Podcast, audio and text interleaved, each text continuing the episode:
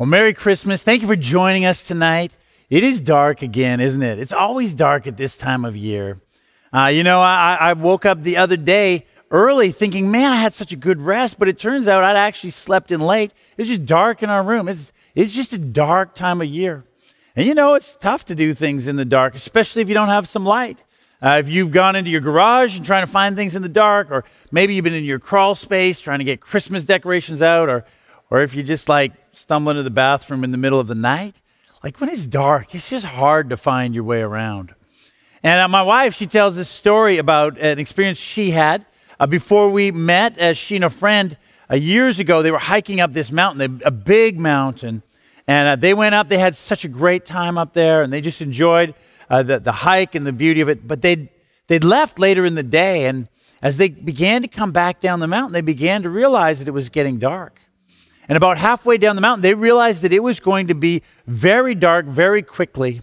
And they hadn't brought a, a, a flashlight or headlamps or a lantern or anything to light their way. And, and just as they was about to get a little panicky about being stuck on this mountain trail in the dark, they looked and coming up the trail was a light.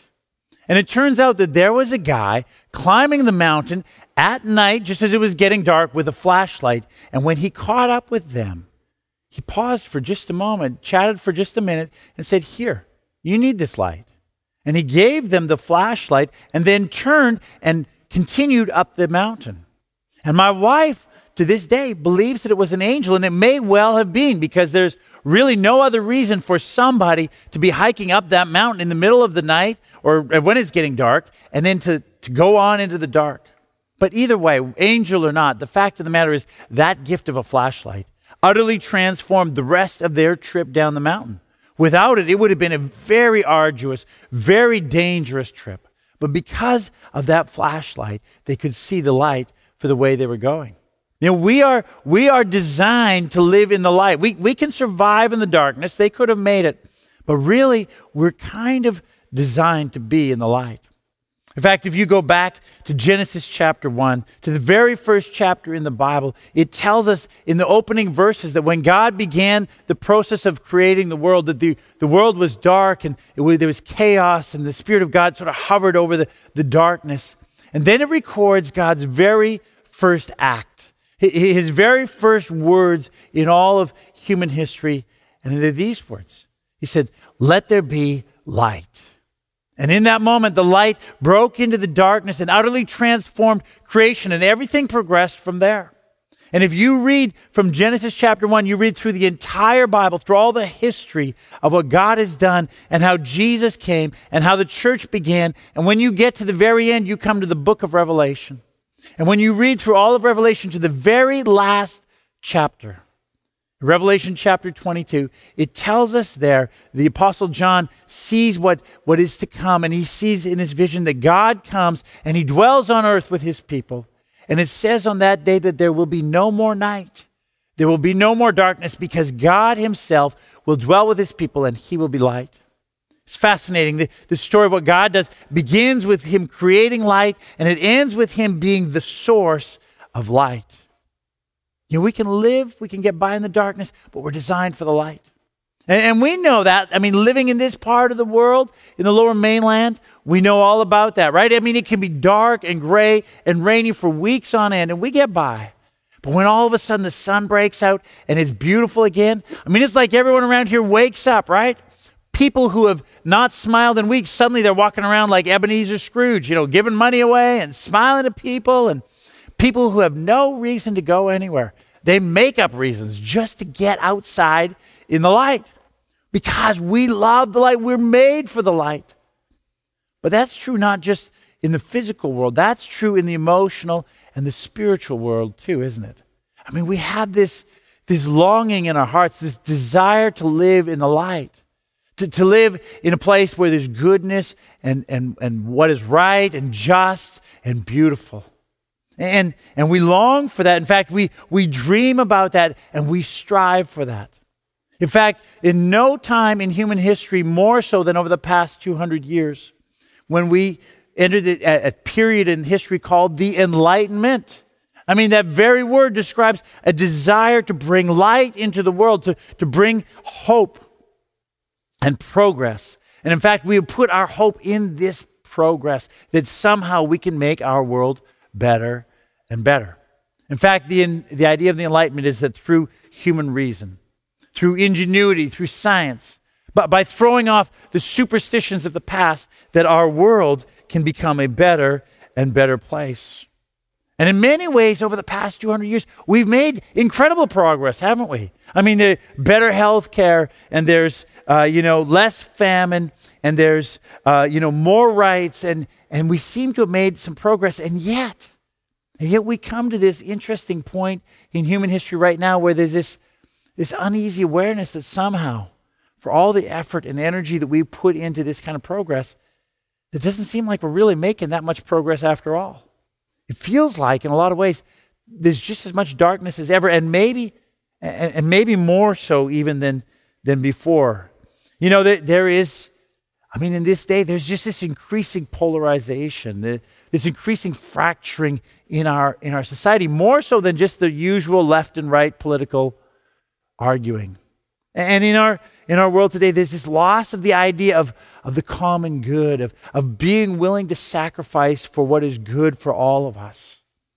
And there is, there is less, not, not more, there's less trust in those institutions which seem to be so important to hold our society together and technology. Technology in which we put so much hope has brought so much good, and yet at the same time, it's also brought so much hardship and, and, and, and negative consequences as well. So, for example, the, the same technology that allows us to get on the internet and order a product from China and have it, you know, delivered to our door a few days later is the same technology that allows for a pandemic to sweep around the world in a matter of, of weeks. The, the social media that, that brings us such opportunities to share with our family and our friends and the people important in our life, the, the, the, good news that's going on in our world, is also one of the driving forces behind the, the mistrust and the polarization that is just spreading through our culture. The internet, which allows us to learn unbelievable things from around the world, to open our mind to all kinds of new ideas and truths, also is the vehicle through which scammers scam innocent victims of, of, of hundreds of thousands of dollars and destroys people's lives and their marriages and their businesses. The technology that we keep looking to as the source of hope does bring good things, but at the same time, with it brings these same negative kind of consequences. And on top of that, on top of that, the darkness isn't just out there. If that were the case, we could just kind of manage it out there. But, but the fact of the matter is, I mean, social commentators have observed, you know, just a growing sense of discontent and depression and drug abuse and despair and addiction and loneliness in the most advanced liberal societies in the world. In spite of all of the opportunities available to us, in spite of all of the, the, the you know, just the, the, the wealth and the, the goodness that we have, in spite of all of that, we still struggle to find meaning and purpose in our life. Even the things that we think will satisfy us, when we finally get those things, I mean, they satisfy us for a while and then they leave us empty again. We're, we're left looking for more. And we find ourselves, even in the most progressive of societies, living with broken relationships, with broken health, with the death of loved ones, with the death of dreams. And in the midst of it all, an inability even to change our own lives. That thing, part of our lives, or our world that we seem to have the most control over. As one commentator put it, we are experiencing a crisis of hope in the Western world. As hard as we've tried to make progress, it seems like we just aren't getting there. It seems like in some ways there's more darkness than before. And the question is, is where will we look for hope in this world? Where will you look for hope in this world? The, the question is, where are you going to find light to light the path so you know where to go next? Is it going to be the, the, the, influencer on your next Instagram post? Is that? Is that where you're looking for light? Is it going to be you put your hope in the, the next great technological in, invention that's going to revolutionize the world? Is that where, where hope and light for your world comes from? Is it in this sort of general idea of human progress that sounds so good, but, but 200 years later, it doesn't seem to be taking us the kind of way that we keep hoping that it will? I mean, where are you going to find that? Where, where, where do you find peace and meaning in this world? There's so many people in our world today who are so quick to, to just write off faith as, a, as, a, as an option, as a place to look for that kind of hope. In spite of the fact that, that so many have found hope in life in that very place. And, and, and in spite of the fact that after 200 years of this experiment in the Enlightenment, it doesn't seem to be leading us where we really want to go. And so, wisdom would say that there is great value.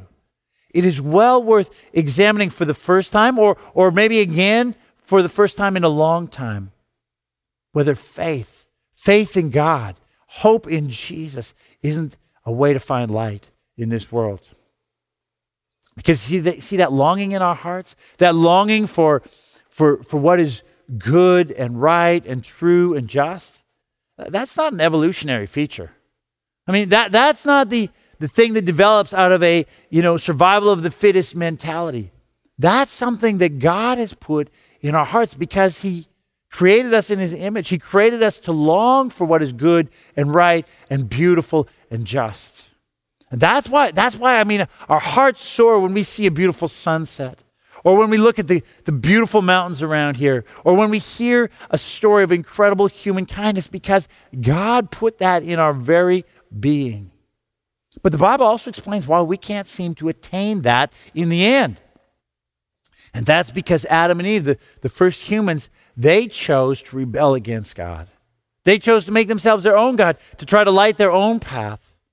And the result has been that we have descended into this darkness that we just can't seem to get out of. All of the sin in our world, all of the darkness, I mean, sorry, all of the darkness in our world can be traced back to sin in our lives, in the world around us. And so we struggle. We struggle to try to make this light in the world because we long for it. And yet at the same time, we can't because of the sin in our lives. We need another light. We, we need the light of God in our lives. And that's why God came in the flesh. That, that's why we celebrate at this time of year God incarnate, God among us, God who came to bring us light.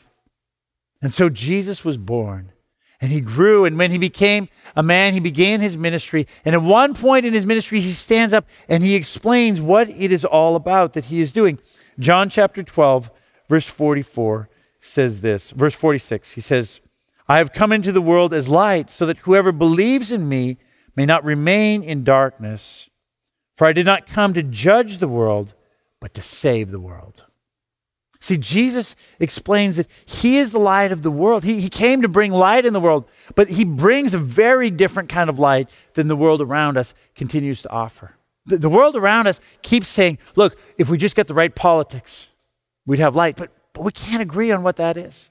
And they say, if we only had more education, but we continue to give education, and it doesn't change the human heart. And, and, or so often it doesn't. And, and we say, well, if there was just more technology, and yet we see that doesn't work. And Jesus came, he said, not to condemn the world. It's not about shaming people or, or, or pressuring them into something. Rather, it's an invitation. It's an invitation to find light in him. And the light that Jesus offers is the light of love. I mean, Jesus came with this incredible message of love that God loves us and a call for us to love God and to love one another and to, to love our friends and our family and our neighbors and our coworkers. But Jesus' call to love was more radical than that yet. He calls us to love our enemies, to, to love that person in your family that drives you crazy every Christmas, to love those who persecute us. But Jesus wasn't just, wasn't just words. It wasn't just nice memes that Jesus fired off on his Instagram account. Jesus lived it. I mean, if you if you read Jesus' life, if you study his life, he loved people deeply. He loved his disciples. He, he loved the crowds who came to hear the words of life that he was teaching. He loved the, the downtrodden and, the, and those who were broken. He loved sinners. He hung out with sinners all the time. And he even loved his enemies. As they nailed him to the cross, he prayed for them, Father, forgive them, for they know not what they do. And in the ultimate act of love, in the ultimate act of love, he suffered and died on the cross that we might have light, that we might find life. See, Jesus was all about love, about bringing true love. And that was, that was true love. You know, when you talk about love, when people think about love these days, they think about an emotion, and that's often what we think. And in fact, emotion is connected to love. But true love is about much more than an emotion. True love is about giving yourself away for someone else. It's really about losing a part of yourself for the, for the benefit, for, for the furthering of someone else. And if you're a parent, I mean, you know what that's about. And if you're a spouse, you probably know what that's about. And if you have a good friend, if you have a really deep friendship, you maybe understand what that true love is about. It's about giving away part of yourself, dying to part of yourself for the sake of others. But when you do that, the way God has designed love, you get back just as much and, and even more. But doing that, that, that kind of truly loving someone else, that's not easy, is it? I mean, if you've tried that, you know that, that our heart is bent to selfishness. Our natural, you know, tendency is towards darkness. Our, our, our, our, we're just designed to grasp rather than to give. And so when God came in the flesh, not only did he offer a way of, of, of the way of love to light our way, but he also came and he offered us a power that you can't get anywhere else. You see, in our world is all about power, power to enforce laws and to make people think or try to make people think differently and to, and to force things in a different direction. But the kind of power that God offers us through Jesus is a different kind. It's, it's, it's the power of God at work in our lives, the power of the Holy Spirit to, to change us and to transform us. The power that Jesus offers us is the kind of power that allows us to, to face the demons in our own life it's the kind of power that allows us to see life in, in light of something, in fact, someone much bigger than ourselves. It's the power of God at work in our life to change the most difficult of places of all, our own hearts and our own lives. See, Jesus came to bring light into the world whoever, to whoever would believe in him. Th- that's why we celebrate Christmas on December 25th. You see, nobody actually knows the day on which Jesus was born. It's not like they had birth certificates back in that day. And, it's not like Mary and Joseph sat in the stable filling out a form to send to the Roman government. His name is Jesus. He was born on this day and, you know, in, in this stable in Bethlehem.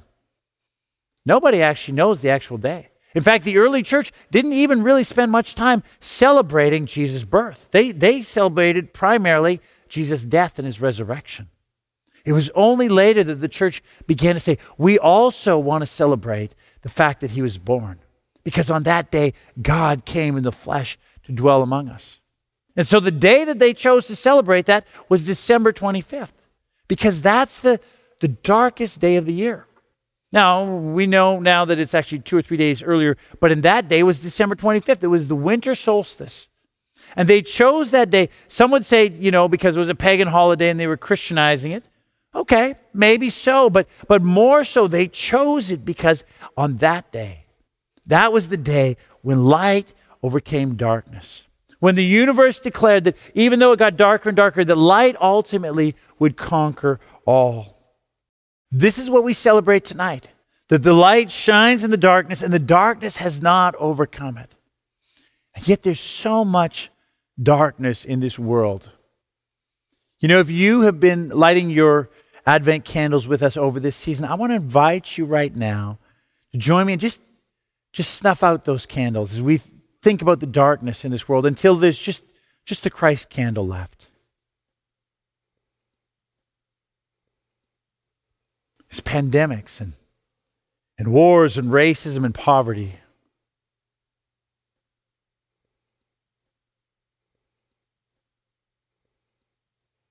There's broken relationships and heartbreak and, and all kinds of loneliness in our world.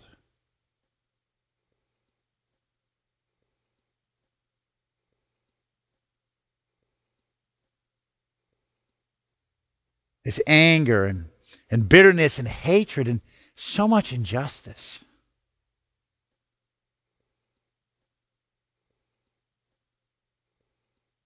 And there's hopelessness and despair and hurt and all kinds of pain. There's so much darkness in the world in which we live.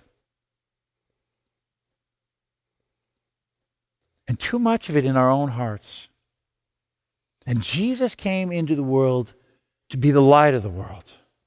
That's why at Christmas we light a candle. That's why, why we do it, because it symbolizes Jesus coming into the world. Listen to the words of the Apostle John when he begins to tell the story of who Jesus is and what Jesus did. He harkens back to the, the, the, the first day of creation when God created the world, when, when God said, Let there be light. Here's, here's what the Apostle John writes He says, In the beginning was the Word, and the Word was with God, and the Word was God. He was in the beginning with God. All things were made through him, and without him was not anything made that was made. In him was life, and the life was the light of men. The light shines in the darkness, and the darkness has not overcome it. And he goes on to say this the true light, which gives light to everyone, was coming into the world. He was in the world, and the world was made through him, yet the world did not know him. He came to his own, and his own people did not receive him. But to all who did receive him, who believed in his name, gave the right to become children of God, who were born not of blood, nor the will of the flesh, nor the will of man, but of God. And the Word became flesh and dwelt among us, and we have seen his glory. Glory is of the only Son from the Father, full of grace and truth.